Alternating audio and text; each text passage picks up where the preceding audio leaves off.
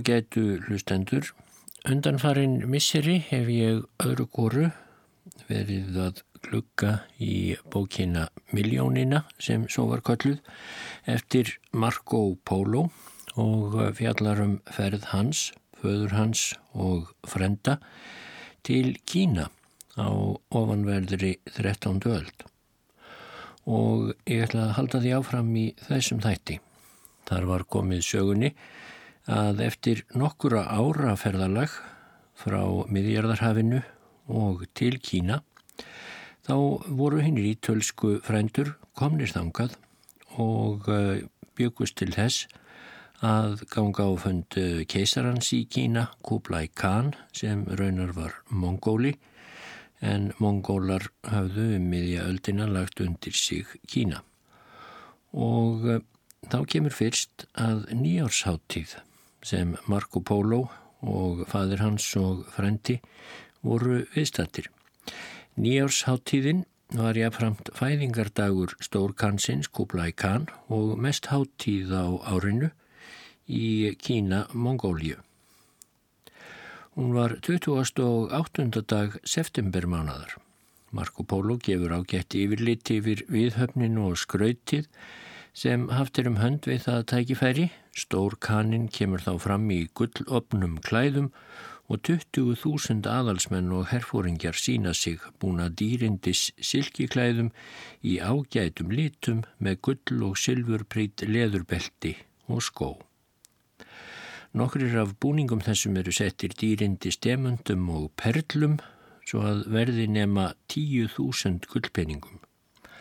Búningar þessir eru gefnir þeim aðalsmannum sem eru keisarannum handgengnastir og þau eru borin á 13 stórháttíðum ár hvert. Þeir sem beraðau eru konunglega búnir fullvissar Marco Polo lesanda miljónarinnar um. Og hvenar sem stórkannin fær sér ný klæði þá fara aðalsmennirnir að dæmi hans þó að klæði þeirra sé ekki alveg jafn ágætt og hans þó nú ekki. Af þessari háttíð geta menn ráðið viðhöfn þá sem týðkast hjá stórkaninum og skarar fram úr öllu sem gerist með öðrum þjóðhöfðingjum. Í sambandi við háttíðahöldin á fæðingardegi stórkansins er það venni að gefa honum dýrmættar gjafir og senda gjafirnar ekki aðeins þegnar hans af tartara eða mongólakyni heldur einnig frá þeim þjóðum sem byggja hinn ímsu fylki og landsluta Kína. Margir sem hafa huga á einum eða öðrum frama, til dæmis embætti, landstjóravöldum eða þvílíku, þeir koma svo í eigin personu þennan dag til hýrðarinnar og færa stór kaninum persónlega góðar gjafir. Og dag þennan er einnig síður að allir kristnir menn, múslimar og skurðgóða dýrkendur í ríki stórkansins byrji hver sinn guð að vernda keisaran og ljá honum heilbrigði, hamingju og langt líf. Marco Polo segir í bókinni að á nýjársháttíðinni sem er síst viðhafnar minni en fæðingarháttíð stórkansins þá sé það först síðvenja að stórkanin og allir þegnar hans búist kvítum klæðum. Það er talið færi hamingju. Við það tækifæri eru stórkaninum líka færðar ágætar gjafir í gulli, silfri og gimsteinum úr öllum áttum ríkisins.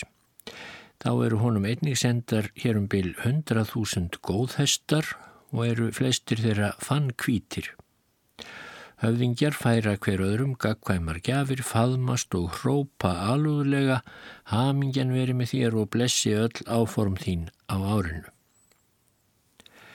Á þessum hátíðistegi þá er farið með fíla keisarans sem eru 5.000 að tölu í skrúðgöngu fram hjá honum. Fílarnir eru skreittir kostulegum gullstöfuðum ábreyðum. Á eftir þeim fara úlvaldalestir og bera skrín með gull og silfurkerum hyrðarinnar.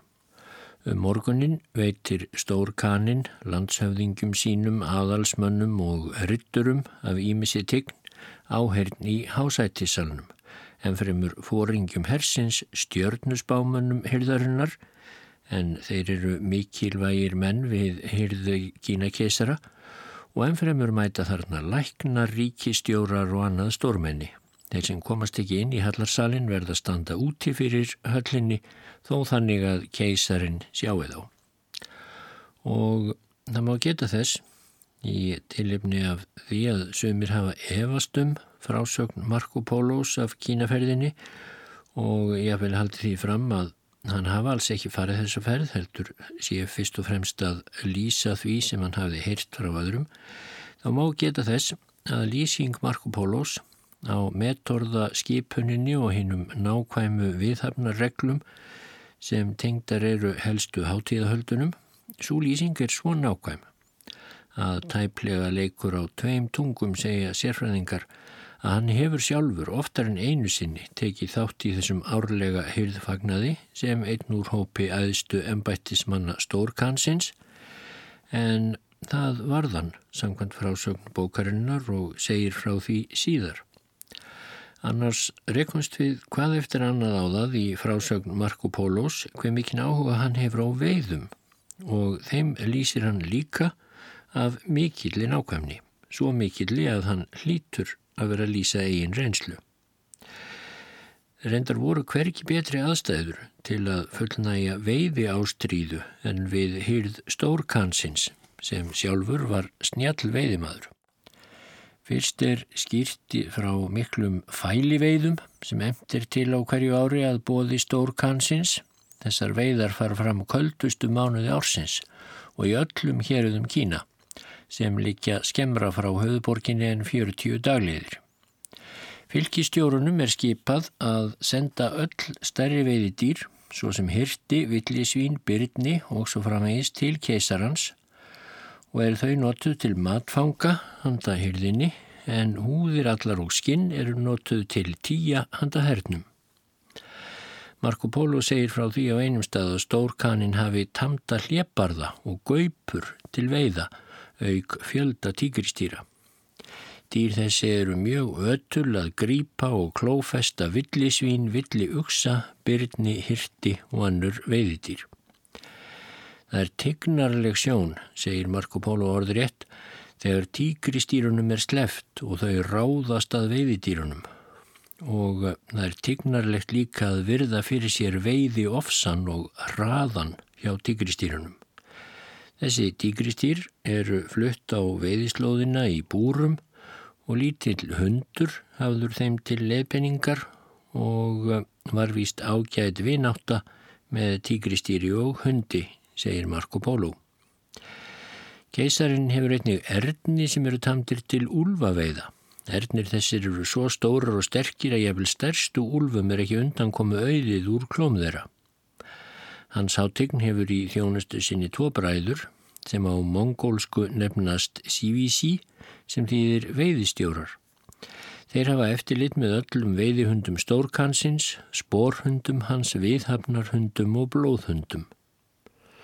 Hvorðir um sig hefur fóristu yfir 10.000 manna veiðisveitum og ber önnur fóringjasveitin rauða enginnisbúninga en hinn græna. Í veiðuferðirnar hafa þeir með sér minst 5.000 hunda af ýmsum kynjum. Veiðumannasveitirnar skipa sér í ákveðna raðir til begja hliða við keisaran. Unstæðir hafa umkringt svæði sem er dagleið af flatarmáli og þannig gengur ekki eitt einasta veiðidýr úr greipum þeirra. Það er fögur og tíguleg sjón að fylgjast með kappi veiðimannana og trillingi hundana þegar keisarinn er sjálfur með í förunni og hirtir, bjardýr og önnur veiðidýr eru eldi í allar áttir. Mikilfenglegust, að sögn Marco Polos, er þó svo veiðiförinn sem hann tók árlega þátt í en það var þegar stórkanin fór í marsmánuði frá Kampalik eða Peking, tvær dagliðir norð-austur á bógin á samt tíu þúsund fólkaföngurum og fugglaveiðimönnum til villidýraveiða fram með fljótunum.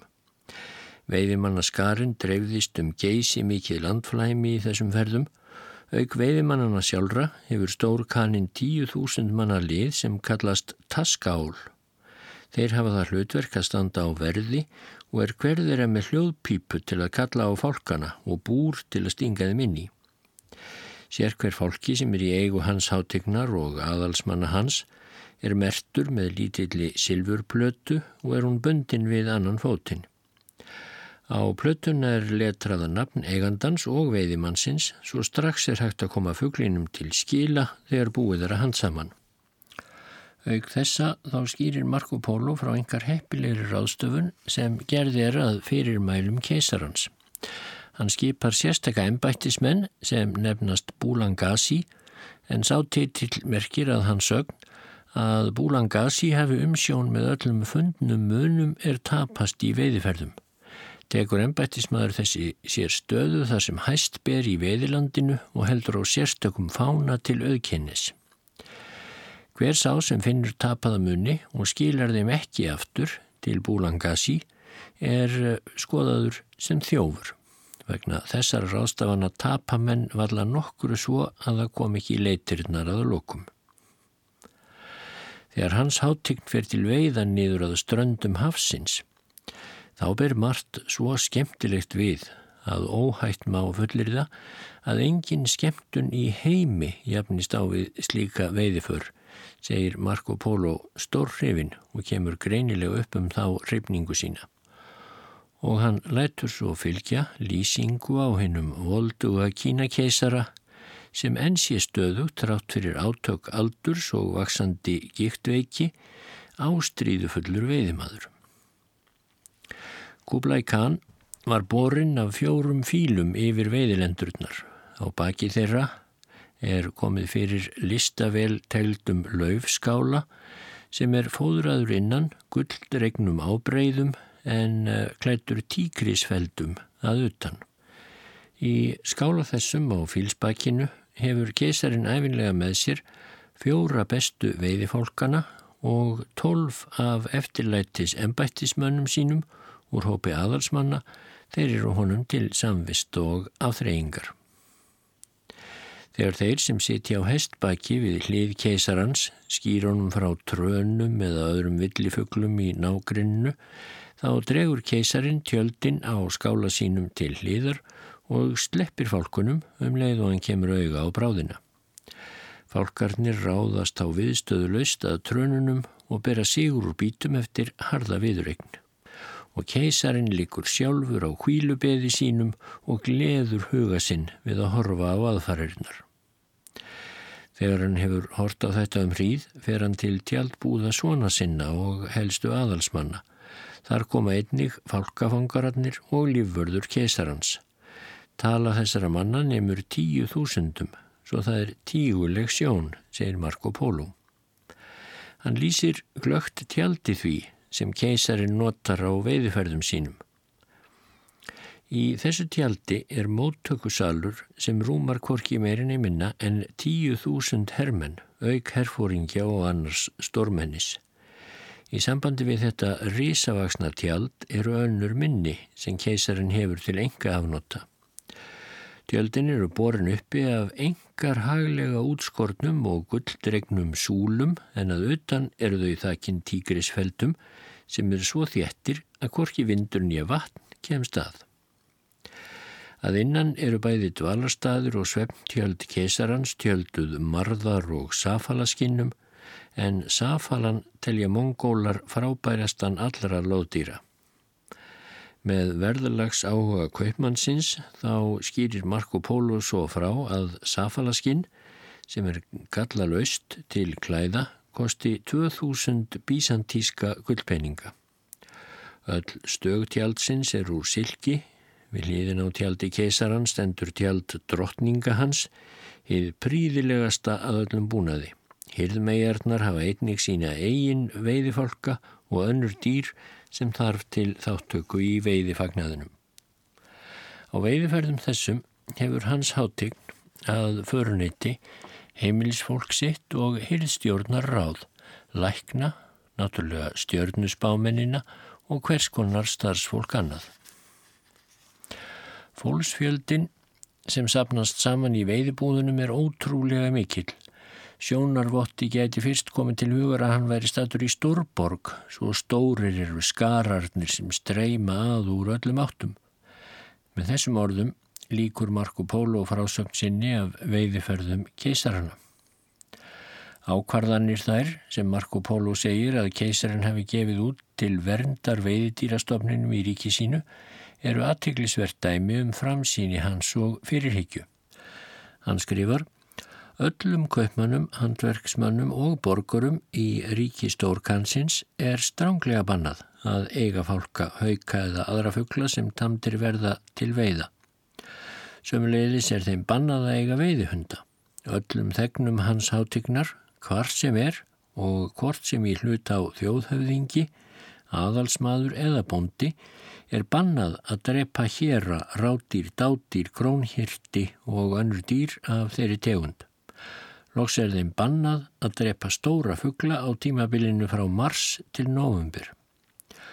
Brotum gegn skipun þessari er refsað stránglega svo að veiði dýrunum fjölgar orrt. Þegar stórkaninn hverfur svo aftur til borgarinnar eftir þessar miklu veiðiferðir þá efnir hann til mikillar móttökuháttíðar með dýrlegum hófum og gestabóðum. Viðhöfn svo sem þar er á bóðstólum er sannarlega kostuleg, fullvissar Marco Polo lesanda sinnum. Fínast lýsir hann daglegum störfum manna í henni fjölbyggðu keisaraborg með tólf stóreflis útborgum fyrir utan virkismúrana sjálfa. Hann lýsir flokkum ferðamanna, embættismanna og kaupmanna sem sapnast þar saman hvaðanæfa úr ríkinu, engum meðan keisarin sjálfur dvelur í borginni. Frá öllum áttum heimsins likur leiðin til Kambalix með allt sem er sjálft geft og dýrmætt. Það skal allt fært kesaranum. Og þar á bóðstólum er líka fjölbreyttara vörumagnin í nokkuri annari borg. Ekki færri en þúsund vagnar og áburðardýr koma daglega til borgarinnar með rásilki og gífurlegt magn af gulldregnu rósasilki og öðrum gerðum silkis er unni þar líka. Frá Indlandi koma gimsteinar, perlur og fjölmarkar tegundir af dýrmætu krytti til þess að fullnæja eftirspurn kaupmanna frá öllum löndum sem dvelja í námunda við hyrðina. Svo skipun peningamála sem afalist hefur hrifið kaupmannin frá fenegjum og vakið sérstakann áhuga hans er notkun peningaseðla.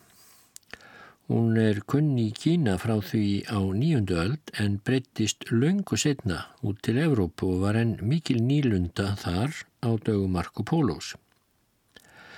Marco Póló fer um þetta svofeldum orðum. Í höfðborginni er myndslátt að stórkansins og óhætt mun að fullir það að hann verði ekki yfir stíin í gullgerðarlist því hann kann að búa til peninga sem hér segir Hann lætur fletta af hýðinu sem er milli barkar og viðar á mórberjatrénu. Hýðið er bleitt og því næst steitt í keri uns það er orðið eins og grautur. Úr grautnum er búin til papir og hann er skorinn nýður í hérumbil ferhyrnd blöð.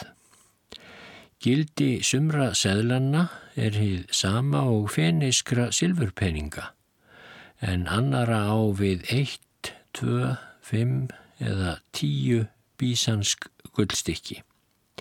Skreiting þessara pappirspeninga er gerð með sömu umönnun og vandvirkni eins og peninga úr skýr og gulli og silfri. Á hvern seðil reytar ákveðin fjöldi sérstakra ennbættismanna nafn sitt og setja þeir við hann einsigli sitt.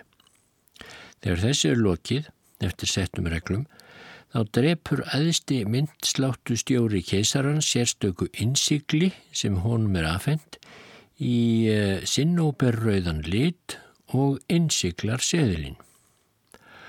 Og þar með er seðilinn í gildi komin. En ef einhverjir reynað eftirmynda seðila þessa, þá var þar það döðarafsingu. Peningasæðilar þessir eru í umferð kvarvetna um ríki stórkansins og enginn þorir að neyta þeim viðtöku af óta um lífsitt.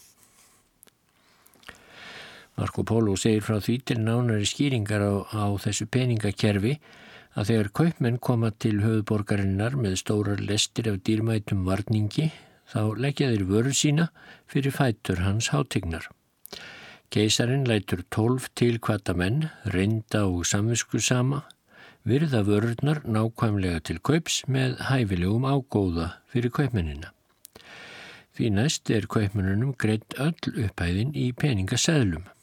Kaupmenninir hafa ekkert við þetta aðtuga því að fyrir seðlana geta þeir allstaðar keift hverjar þær vörur sem þeir þurfa fyrir markaðinn í sínu heimalandi.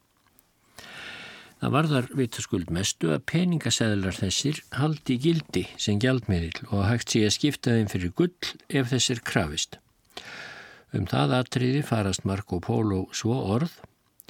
Ef einhver vil afla sér gulls, silfurs, skartgripa eða perla til að vinna úr í einum eða öðrum tilgangi, þá fer hann í myndsláttu keisarans og fær það sem hann þarnast í skiptum fyrir þessa papírseðla. Allur hér keisarans fær mála sinn greittan í pappirsseðlum sem komaði með alveg samagagni og gulliða silfur væri. Nú hafið þið heyrt, segir Marco Polo loks í byggin, hvernig og hvers vegna stór kanin ræður yfir meiri auðæfum en nokkur einvaldur í heiminum.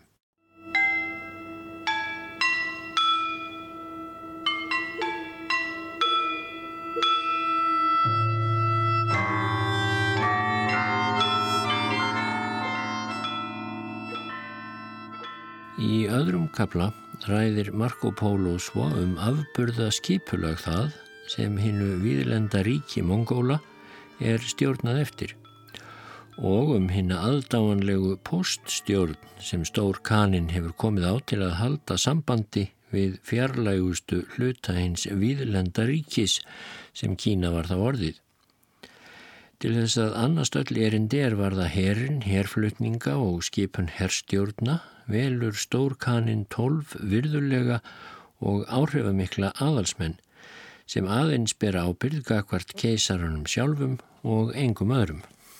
Æðsta umbóðstjórnin er einnig í höndum tólf aðalsmanna og hafa þeir ákvörðunarvald um öll málefni ríkisins og þeirra 34 fylgja sem eru í ríkjasambandinu Kína.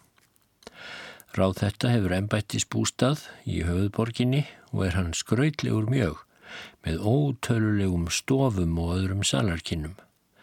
Ráð þetta skipar alla ennbættismenn en stór kannin verður þó að staðfesta skipunina svo hún öðlist gildi og gegnir sama máli um herstjórnina. Ráðið hefur í sinni hendi forsjá dómsmála og fjármála þar með talin innheimt á landskuldum og tollagjöldum. Frá höfuborginni likur svo fjöldi vega til ímissa fylgja ríkisins. Við hvern höfuðveg eru svo nefnd jamp eða posthús með 25 til 30 míluna bíli og er hér átt við enskar mílur. Hús þessi eru í borgunum og ætluð til þess að taka múti gestum.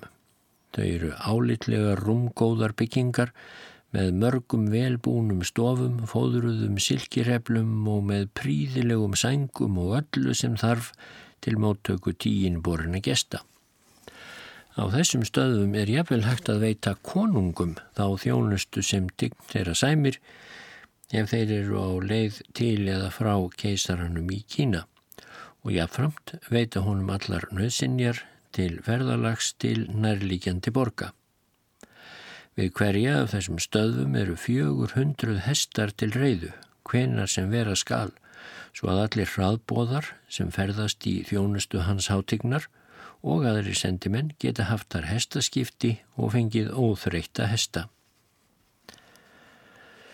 Af þessu leiðir að sendibóðar hyrðarinnar og hraðbóðar keisarans ferðast á auðveldari og þægilegri háttum hvert fylki og hvern hluta ríkisins en annar staðar gerist en þess má reyndar geta að sveipað fyrirkomulag á postþjónustu og sendibóða þjónustu hafði verið við líði í Persíu henni fornu 500 árum fyrir Krist spörð. Svo ekki verði þetta nú uppfinning Kína keisara.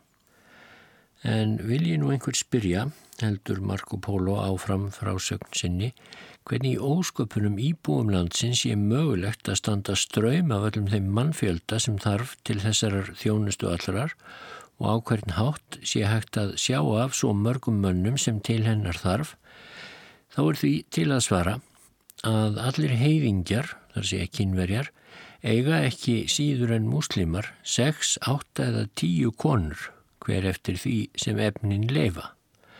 Með konum þessum eignast þeir fjöldabarna sem er eiga jafnvel 30 sinni sem allir geta búrið vopn eins og fadir þeirra.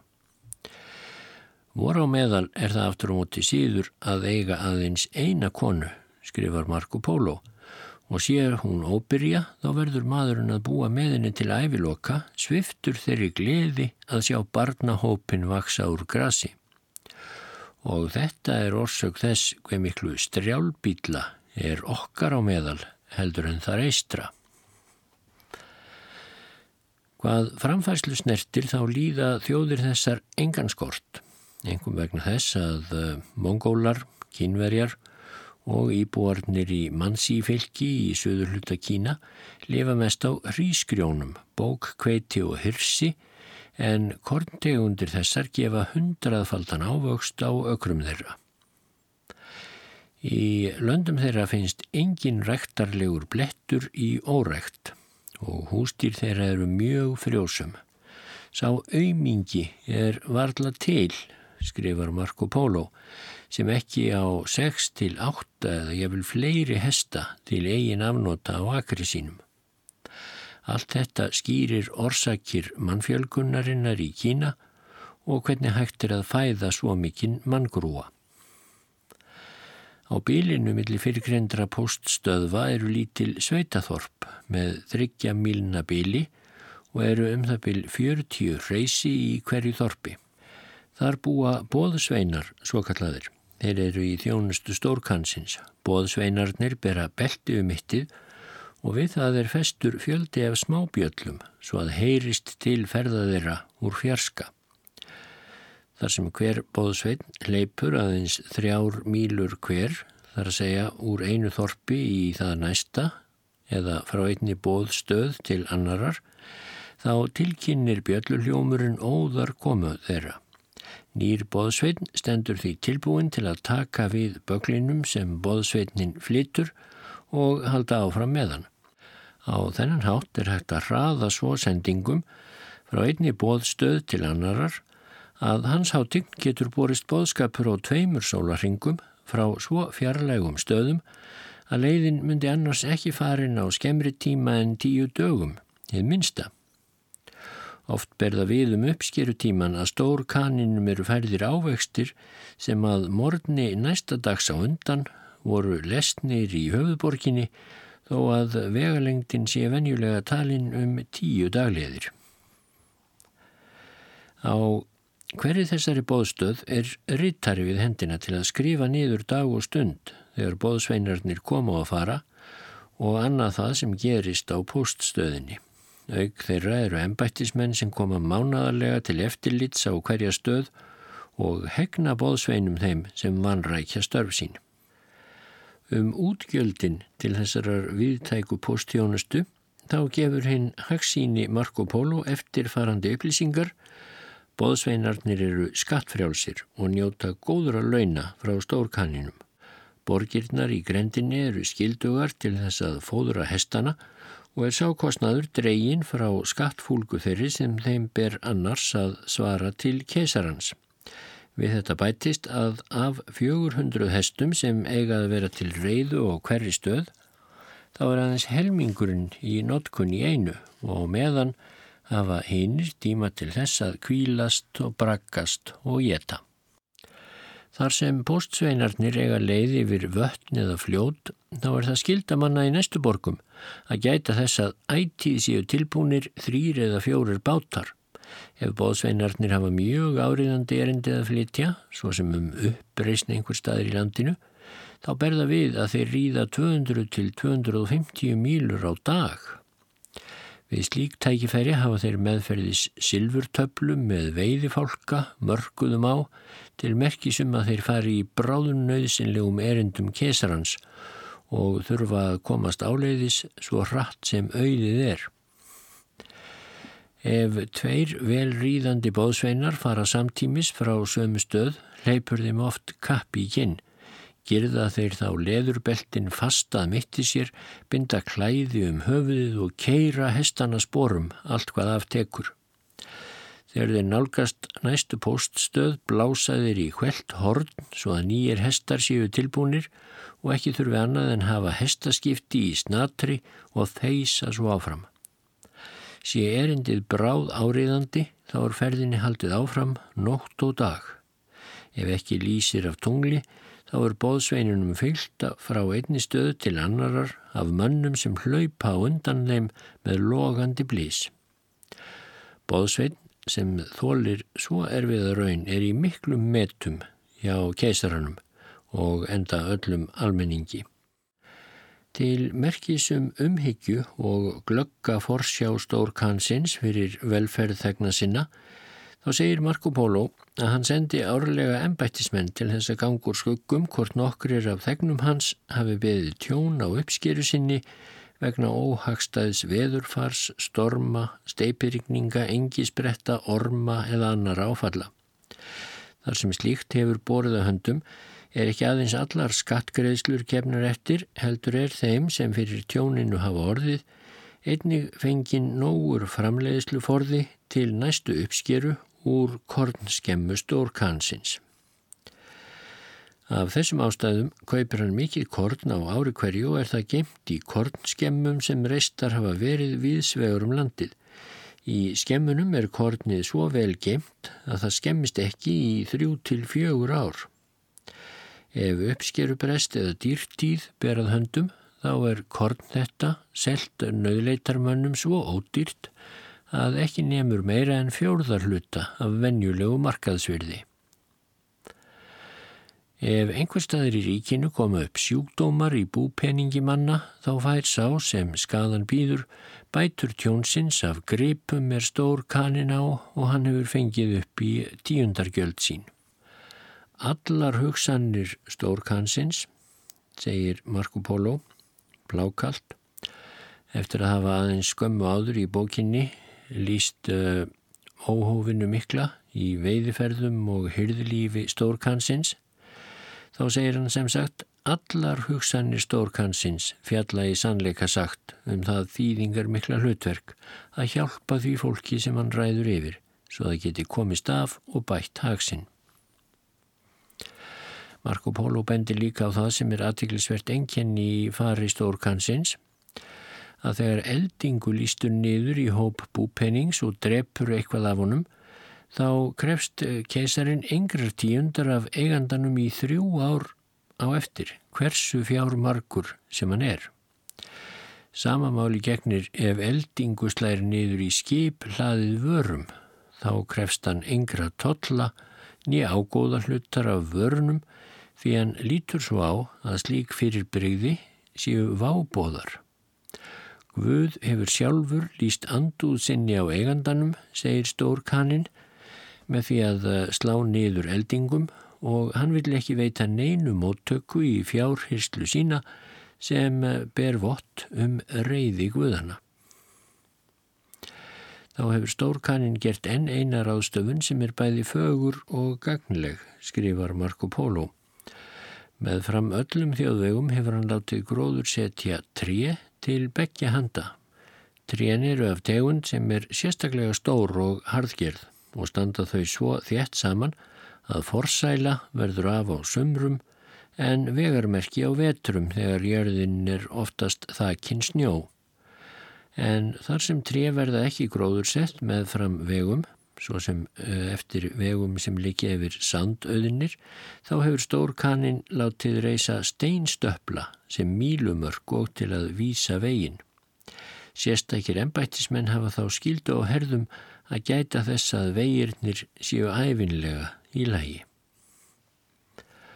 Auk áðurnemdra orsaka er enn einn súforsenda fyrir trjáplöntum stórkansins með framvegum að spámenn og stjörnumeistarar hafa líst í yfir að hverjum sem gróður setur tre verði umbunað fyrir með laungum lífdögum.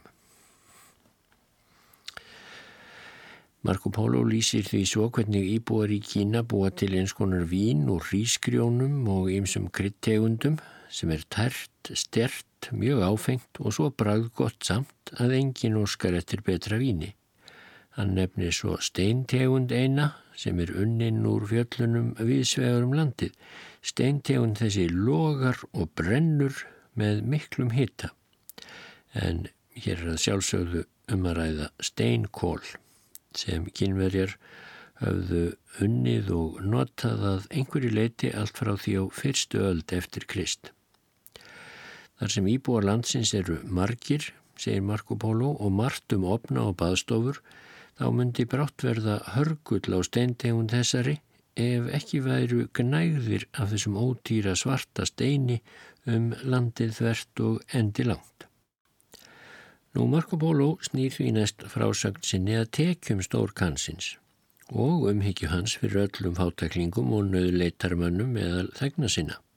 Hann segir frá því hvernig sérstakir embættismenn eru settir til þess að hafa á hendi fátækra framfærslu og hjálpa heiðursverðum heimilum, svo nefndum, þegar þeir sjá að þau get ekki lengur séð sér farborða vegna sjúkdóma, slísa eða elli fullorðnafólksins er fólkið þessu útlutað svo miklu korni sem þurfa þykir úr forðabúrum keisarans.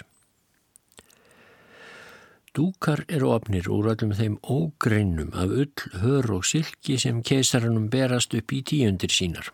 Handverksmenn eru skildaðir til þess að vinna fyrir stórkanin einn dag í viku í þar tilgerðum verkbólum. Af dúkum þessum eru sögmuð klæði handa fátækum mönnum.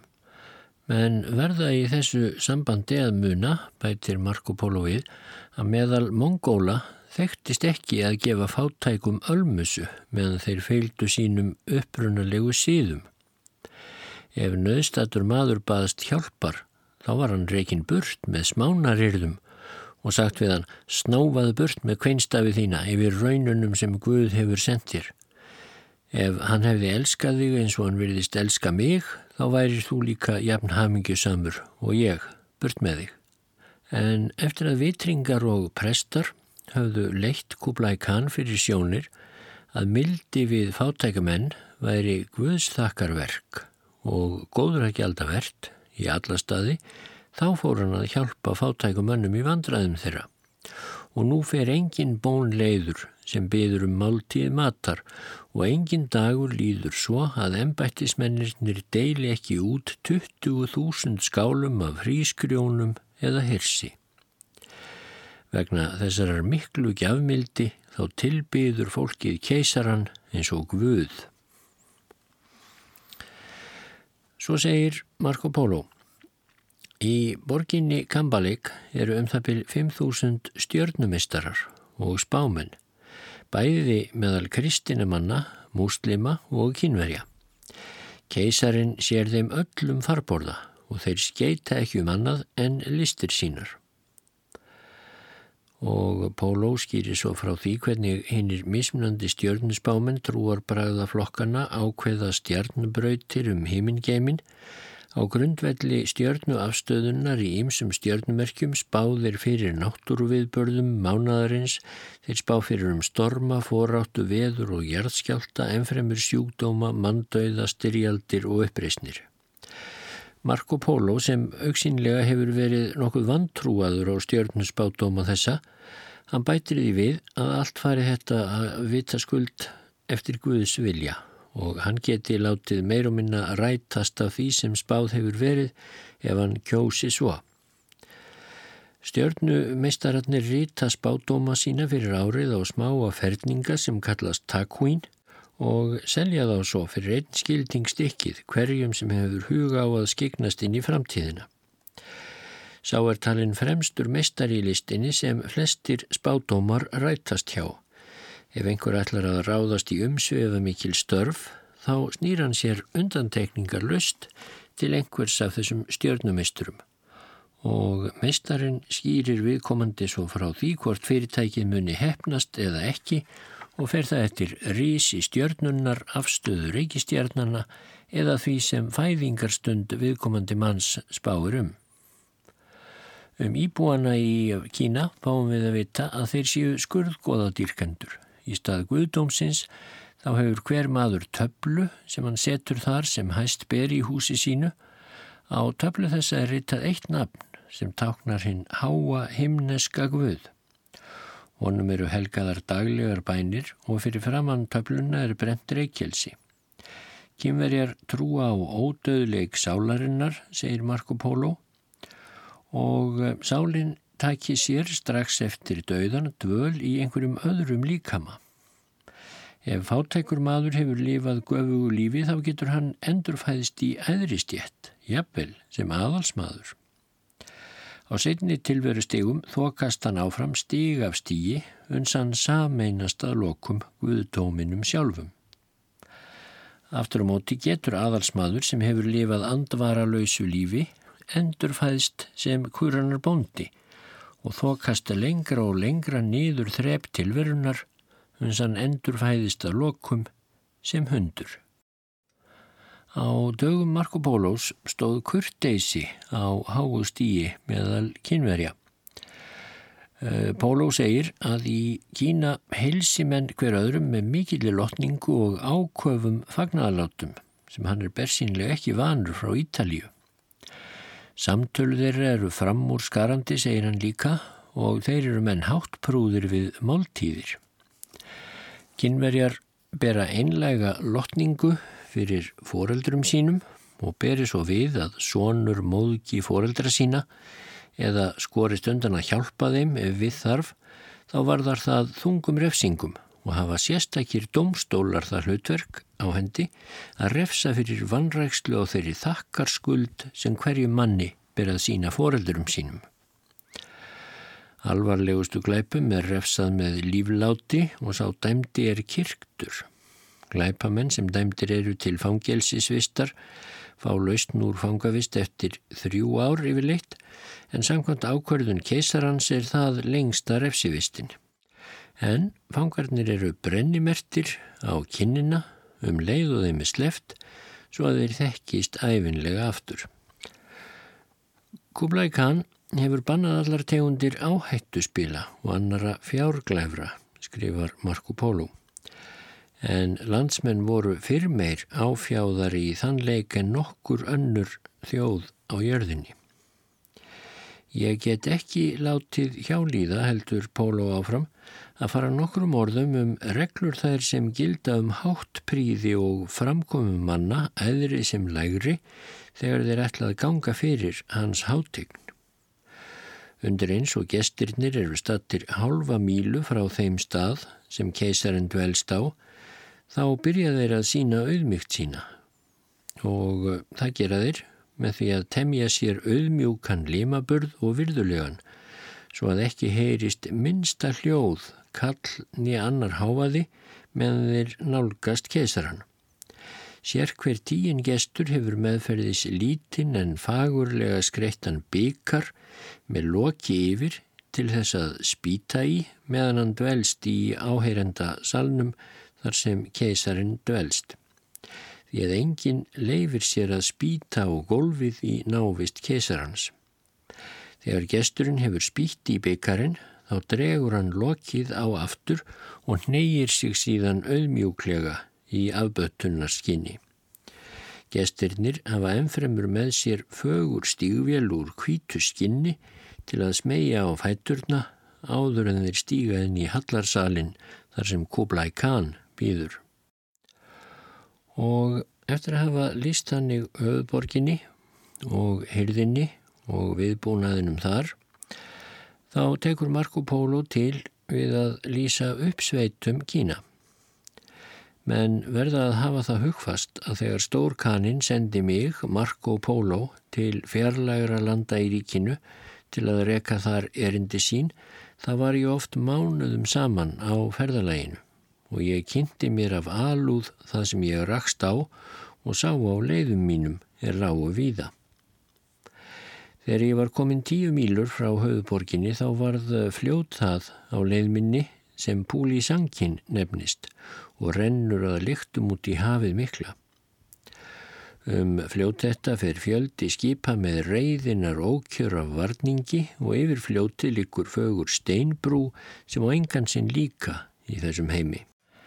Þegar komið er yfir brúna vestur á bógin likur leiðin allstaður um frjósum og velræktu lönd og blómlegar borgir þar sem allir er í önnum við hverskonar yðju. Á leiðsynni gisti Marco Polo mikla og reysulega borg sem Tjakin nefnist. Borg þessi var reist endur fyrir löngu af þjóðhöfðingja þeim sem nefndur var hinn gullinni konungur. Í borginni er stór og skrautleg höll og í hásætisalnum er fagurt sapn málverka af þjóðhöfðingjum þeim sem ráðið hafa ríkjum í borginni. Um stopnanda borgarinnar segir Marco Polo eftirfarandi þjóðsögu.